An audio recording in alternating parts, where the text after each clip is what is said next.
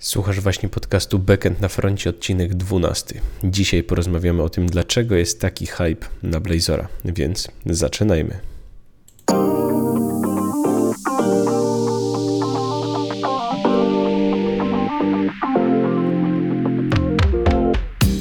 Cześć, z tej strony Kajetan Duszyński i witam Cię w podcaście Backend na froncie. Po pierwsze, dziękuję, że tu jesteś. Podcast Backend na froncie to miejsce, w którym spotykam się z ciekawymi postaciami związanymi z dotnetem i programowaniem po to, aby dostarczyć Ci trochę zabawy i masę wiedzy, ale przede wszystkim, żeby dać Ci szersze spojrzenie na możliwości, jakie daje platforma od Microsoftu.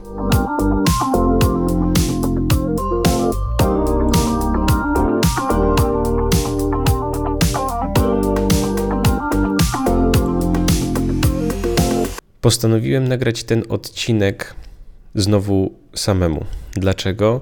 Dlatego, że zapytałem w kilku różnych miejscach, jakiego mamy największego wymiatacza, jeśli chodzi o Blazora w Polsce, i nagle okazało się, że to miejsce jest jeszcze nieobsadzone. I nie zrozum źle, absolutnie nie chciałbym w tej chwili pretendować do tego, żeby zasiąść na tym miejscu, natomiast chciałbym troszeczkę na ten temat porozmawiać, troszeczkę Ci jeszcze przybliżyć temat Blazora, bo wiem, jak duży hype jest na niego. I zastanowić się razem z Tobą, dlaczego w ogóle taki hype powstał i jaka może być przyszłość właśnie związana z tą technologią, z tym frameworkiem i z tym takim, nazwijmy to, pompowaniem balonika, jeśli chodzi o ten frontendowy framework od, od Microsoftu. I zacznijmy nieco od historii. Jaka jest historia Blazora? Blazor powstał w 2017 roku, może wtedy zaczął powstawać i był to jeden z prywatnych projektów jednego z pracowników Microsoftu, który postanowił troszeczkę namieszać w tych technologiach webowych i chciał przenieść C Sharp do przeglądarki. Na początku y, działało to zupełnie inaczej niż działa w tej chwili. Na początku został stworzony dodatkowy runtime, który nazywał się .NET Anywhere, y, który miał być czymś, co zastąpi Mono w, w, pewnym sensie, czymś, co byłoby trochę lżejsze i dzięki temu można by to było umieścić w przeglądarce i nie zawalić tej przeglądarki w 100% e, naszym programem czy naszym runtime'em, a jednocześnie mieć możliwość wykonywania dużo du, dużo większej ilości operacji z kodem C-sharpowym właśnie w przeglądarce, bo od czego w ogóle powstała nazwa Blazor?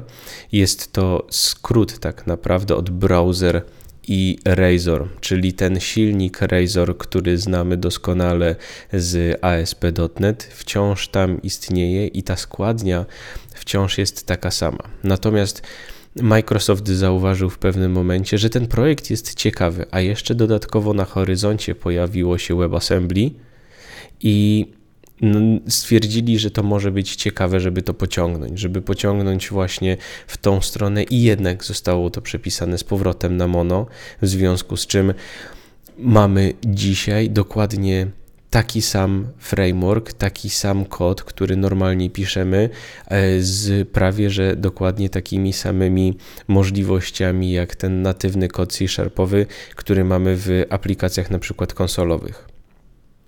Natomiast skąd się w ogóle wziął ten hype, to takie zainteresowanie wielkie Blazorem? Wydaje mi się, że jest to związane z tym, że przez jakiś czas zaczęły powstawać artykuły, w których było powiedziane, że Blazor to jest alternatywa dla programistów, którzy nie chcą uczyć się JavaScriptu. I czy tak faktycznie jest? Czy jest tak, że jeżeli nie chcemy uczyć się JavaScriptu, jeżeli nie chcemy poznawać tych frameworków frontendowych standardowych, takich jak Angular, React, to czy Blazor jest dla nas wyborem?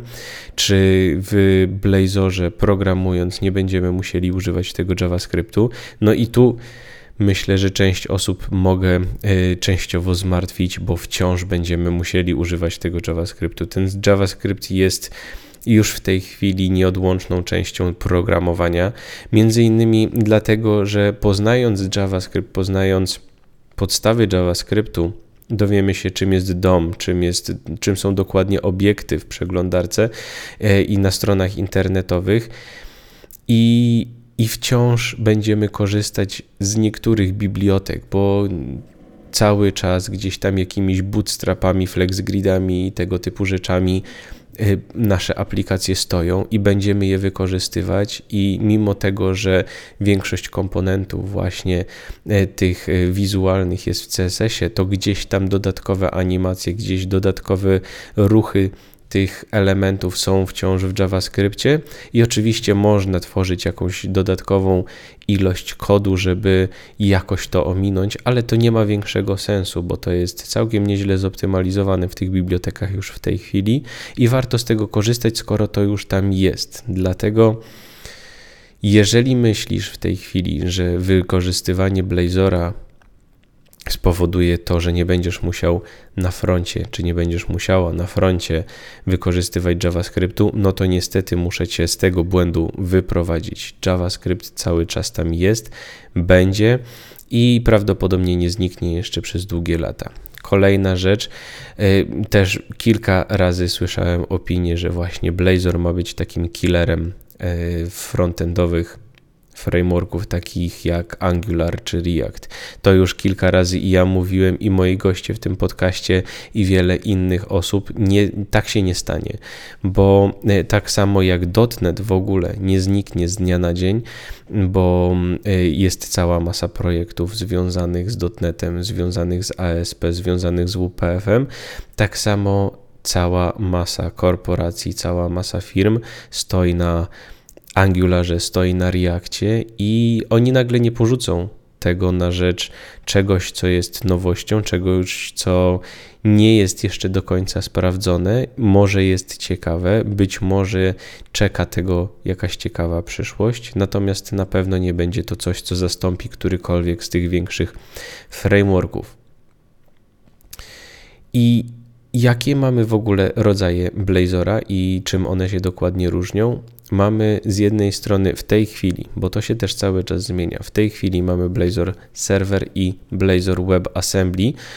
Różnica jest dosyć duża, bo właśnie Blazor WebAssembly wykorzystuje najnowszą technologię, jaką jest WebAssembly, czyli możemy całą naszą aplikację spakować i wyrzucić do przeglądarki klienta i ona tam jest uruchamiana, tam jest odczytywana e, i tam sobie po stronie klienta działa. Co nam to daje? Daje nam to przede wszystkim to, że taka aplikacja może działać offline'owo. Jeżeli nagle stracimy połączenie z serwerem, nagle stracimy połączenie w ogóle z internetem, to nasza aplikacja, mimo że internetowa, nadal będzie działała tak jak do tej pory. Oczywiście, jeżeli potrzebuje w którychś momentach połączenia z jakimś serwerem, no to to połączenie nie zostanie zrealizowane, ale aplikacja jako taka cały czas będzie odpowiadać, cały czas będzie można wykonywać tam odpowiednie ruchy i jeżeli programista to odpowiednio zaplanuje, takie e, miejsca, w których moglibyśmy nie mieć internetu, a wciąż działać, bo też mamy możliwość stworzenia jakiegoś storage'a lokalnego, dzięki któremu jakieś tam dane moglibyśmy offline'owo przechowywać i dopiero po powrocie połączenia z bazą danych moglibyśmy, czy z serwerem moglibyśmy mm, przesyłać te informacje no to nasza aplikacja może być bardziej elastyczna, jeśli chodzi o wykorzystanie między innymi na urządzeniach mobilnych, które jak wiemy gdzieś tam opierają się w głównej mierze na połączeniu z internetem, a czasami tego połączenia po prostu w niektórych miejscach nie ma. Z drugiej strony mamy Blazor Server Side, czyli coś, co działa w bardzo poważnym połączeniu właśnie z częścią serwerową. Jeżeli zabraknie tego połączenia z częścią serwerową, czyli z tym backendem, wtedy cała aplikacja się wysypuje. Dlaczego? Dlatego, że tak naprawdę tam nie wysyłamy tego kodu C-sharpowego do naszego klienta. Ten kod C-sharpowy, który ewentualnie na tych widokach sobie stworzymy, on jest mimo wszystko zmieniany, on jest przepisywany na czysty HTML, CSS i JavaScript i za każdym razem, kiedy mamy dodatkowy request, kiedy mamy jakąś zmianę, którą użytkownik nasz zainicjuje. Wtedy jest wysyłane to za pomocą Signalera, dzięki któremu mamy taki, taki communication real time, e, komunikację na żywo z naszym backendem i ten backend reaguje na każdy request właśnie od tego klienta i za każdym razem, kiedy coś powinno się wydarzyć, to ta informacja trafia najpierw do serwera. Serwer to analizuje i wysyła kolejną już gotową porcję kodu na widok e, do użytkownika. W związku z tym tam faktycznie musimy mieć to połączenie.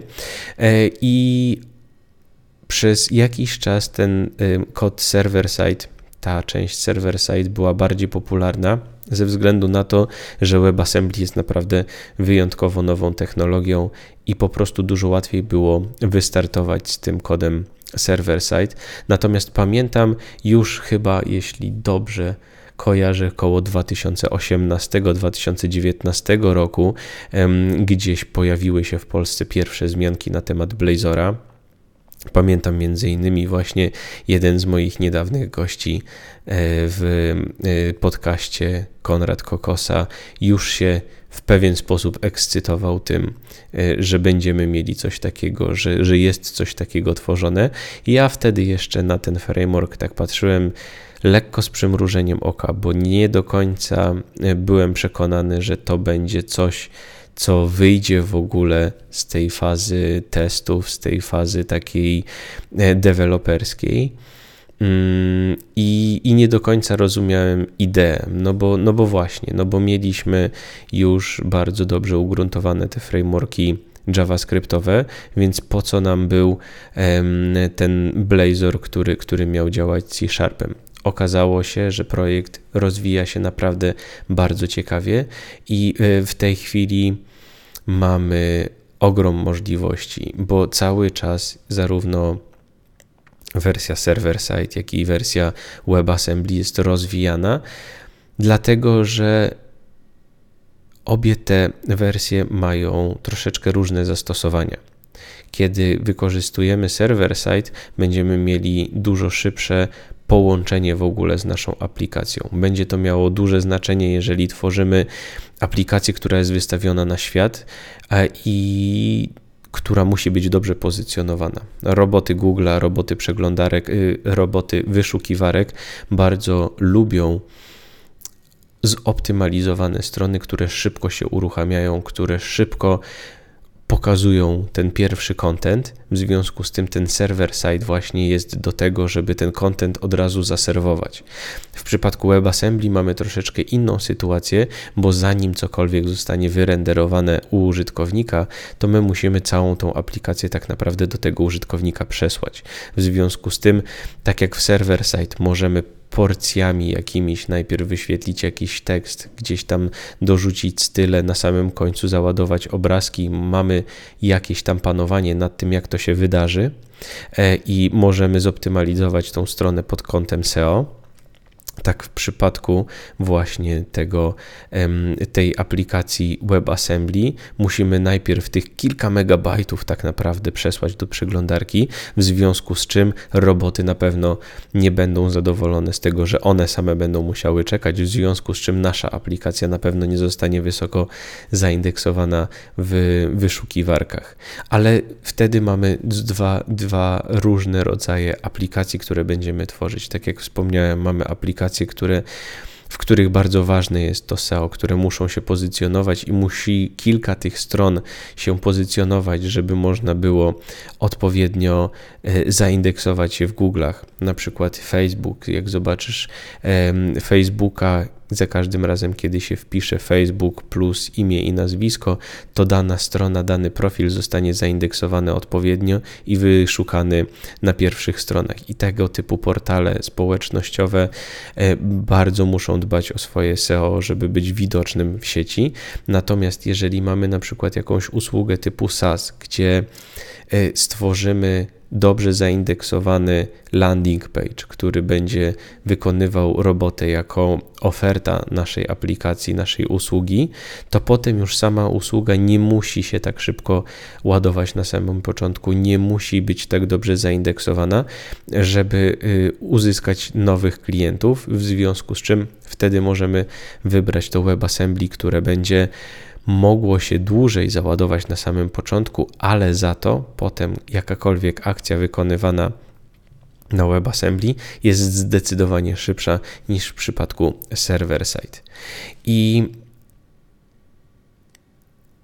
później zaczynamy rozważać, jaka jest w ogóle przyszłość tego projektu, jaka jest przyszłość Blazora, bo też widzę nagłówki i spotykam się z opiniami, że Blazor może skończyć trochę jak Silverlight, trochę jak technologia właśnie, która już w tej chwili praktycznie nie istnieje w świecie dotnetowym, jakieś stare dinozaury, ha, już niestety takie jak ja, ale jeszcze bardziej moi starsi koledzy na pewno pamiętają Silverlighta, który początkowo był promowany jako taka technologia naprawdę e, bardzo wyprzedzająca swoje czasy, bo e, mieliśmy przełożyć dosłownie kod, który pisaliśmy na przykład w WPF-ie po prostu do przeglądarki i to miało działać jako taka e, okienkowa aplikacja, ale w przeglądarce i to widać było, że nie wyszło.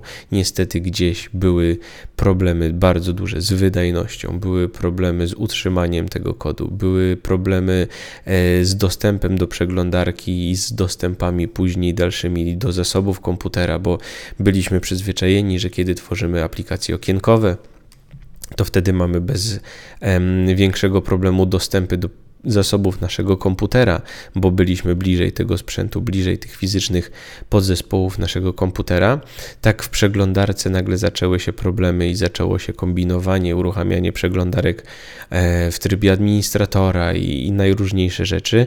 No i, i, i deweloperzy stwierdzili, że, że to w ogóle tak dłużej być nie może, coraz mniej używało się Silverlighta i w końcu Microsoft doszedł chyba do dobrego wniosku, że warto by było ubić ten projekt, już zamknąć go i dłużej, dłużej ludzi nie męczyć Silverlightem. I czy jest szansa, że Blazor y, podzieli los kiedyś Silverlighta?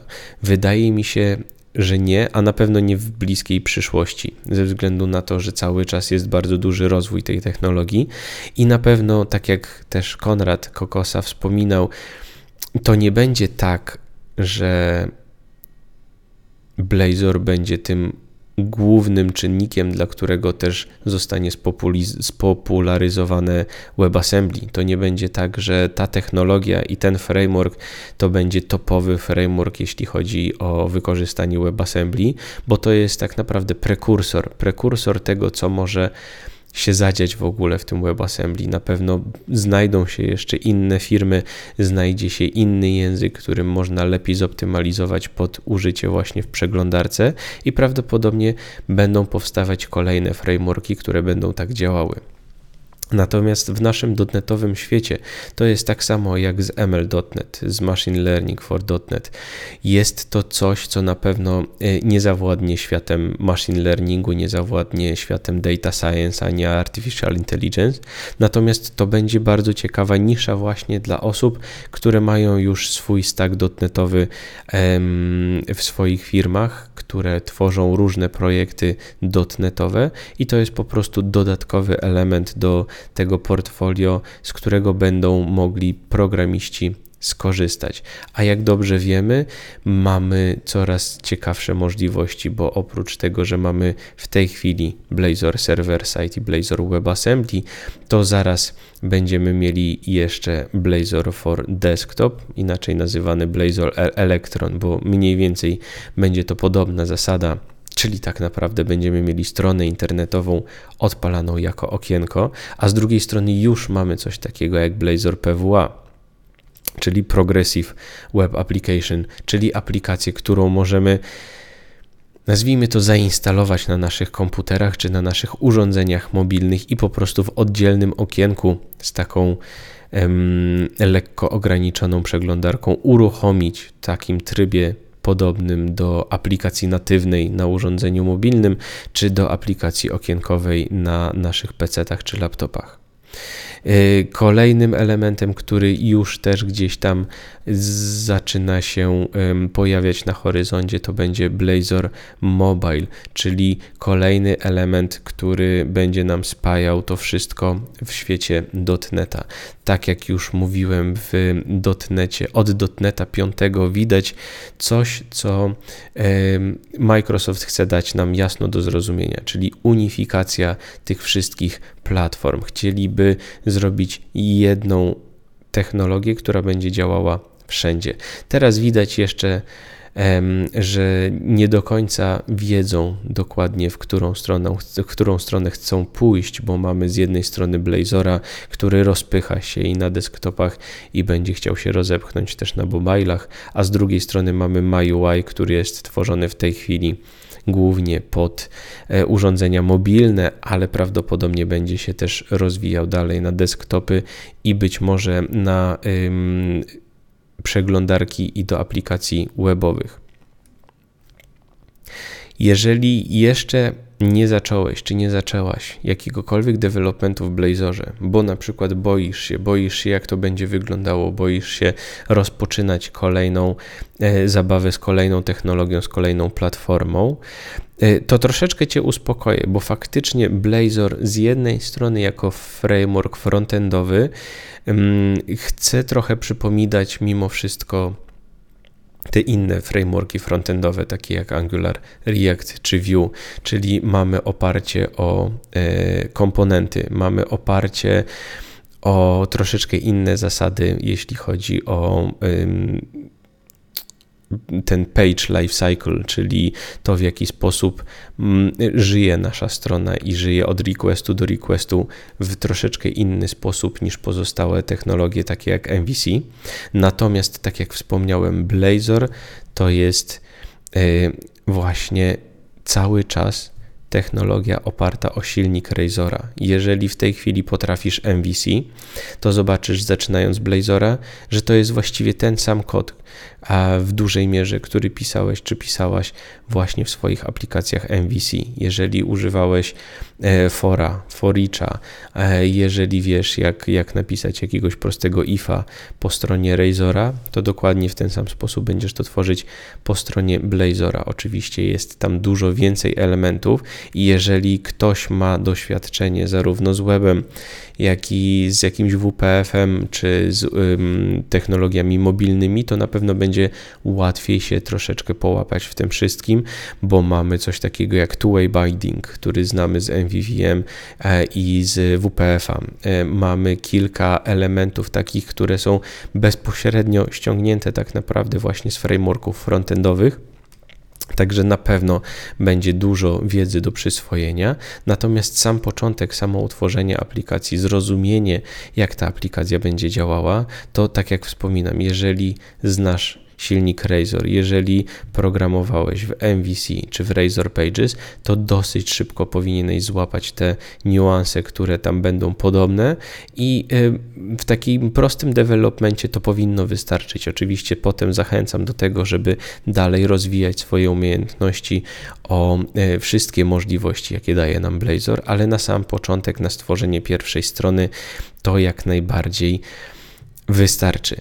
I co jest jeszcze bardzo ważne, jeśli chodzi o Blazora i jego przyszłość, to to, że inne firmy, które specjalizują się m.in. w tworzeniu komponentów dla najróżniejszych frameworków, już też zauważają Blazora. DevExpress czy Telerik zaczynają tworzyć swoje komponenty bezpośrednio pod Blazora. Są nowe firmy, e, takie jak Syncfusion e, czy ModBlazor, które e, tworzą właśnie specjalne biblioteki z komponentami prosto pod Blazora i prawdopodobnie nawet jeżeli w tej chwili te biblioteki są darmowe, to gdzieś za jakiś czas znajdziemy jakąś wersję płatną, czyli będą firmy szukać sposobów na to, żeby zmonetyzować ten, tą chęć pomocy w rozwoju właśnie tego frameworku.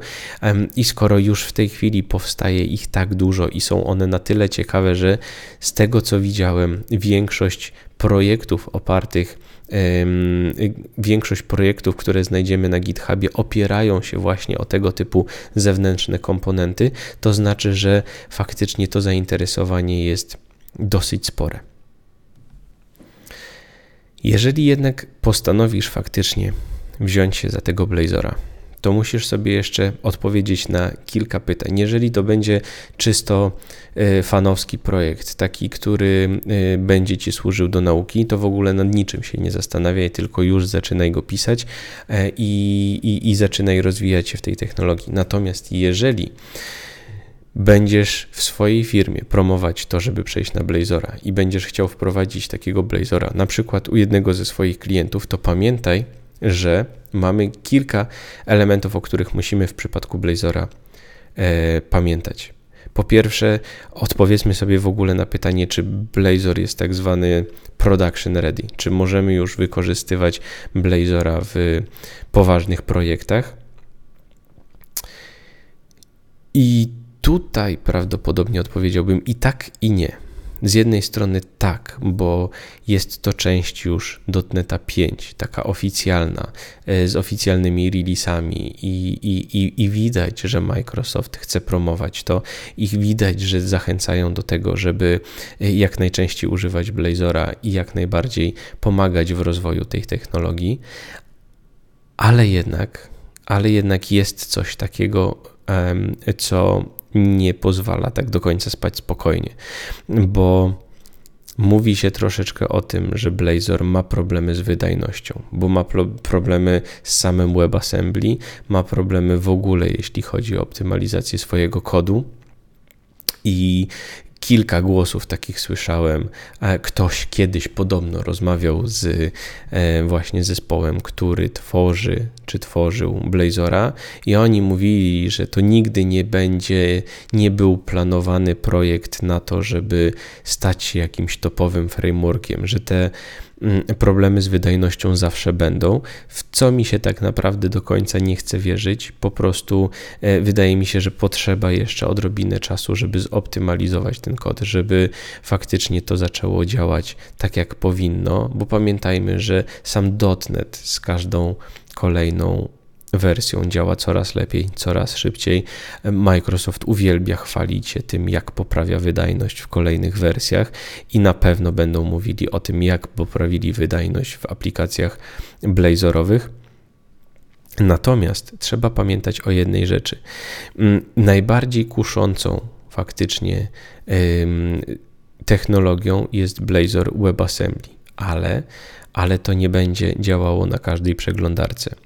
Na większości jak najbardziej tak, czyli jeżeli mamy przeglądarkę opartą o silnik Chromium, to nie ma żadnego problemu. Jeżeli to będzie Firefox, Safari, e, jeżeli to będzie Opera, to nie powinno być większych problemów ale jak zwykle natrafimy problemy z Internet Explorerem. Jeżeli Twój klient, jeżeli jest jakiś powód, dla którego musisz wspierać Internet Explorer, no to musisz się poważnie, bardzo poważnie zastanowić, jak to będzie działało. Ze względu na to, ja się już szczerze mówiąc troszeczkę pogubiłem, czego my właściwie w tej chwili używamy, czy to jest Internet Explorer, czy to jest Edge, to co jest w tej chwili najnowszą przeglądarką od Microsoftu, to chyba wciąż jest Edge, tylko tam jest Edge, Chromium, coś takiego i tam już jest WebAssembly, tam możesz spokojnie to ładować swoją blazorową aplikację, natomiast starsze wersje Edge'a i starsze wersje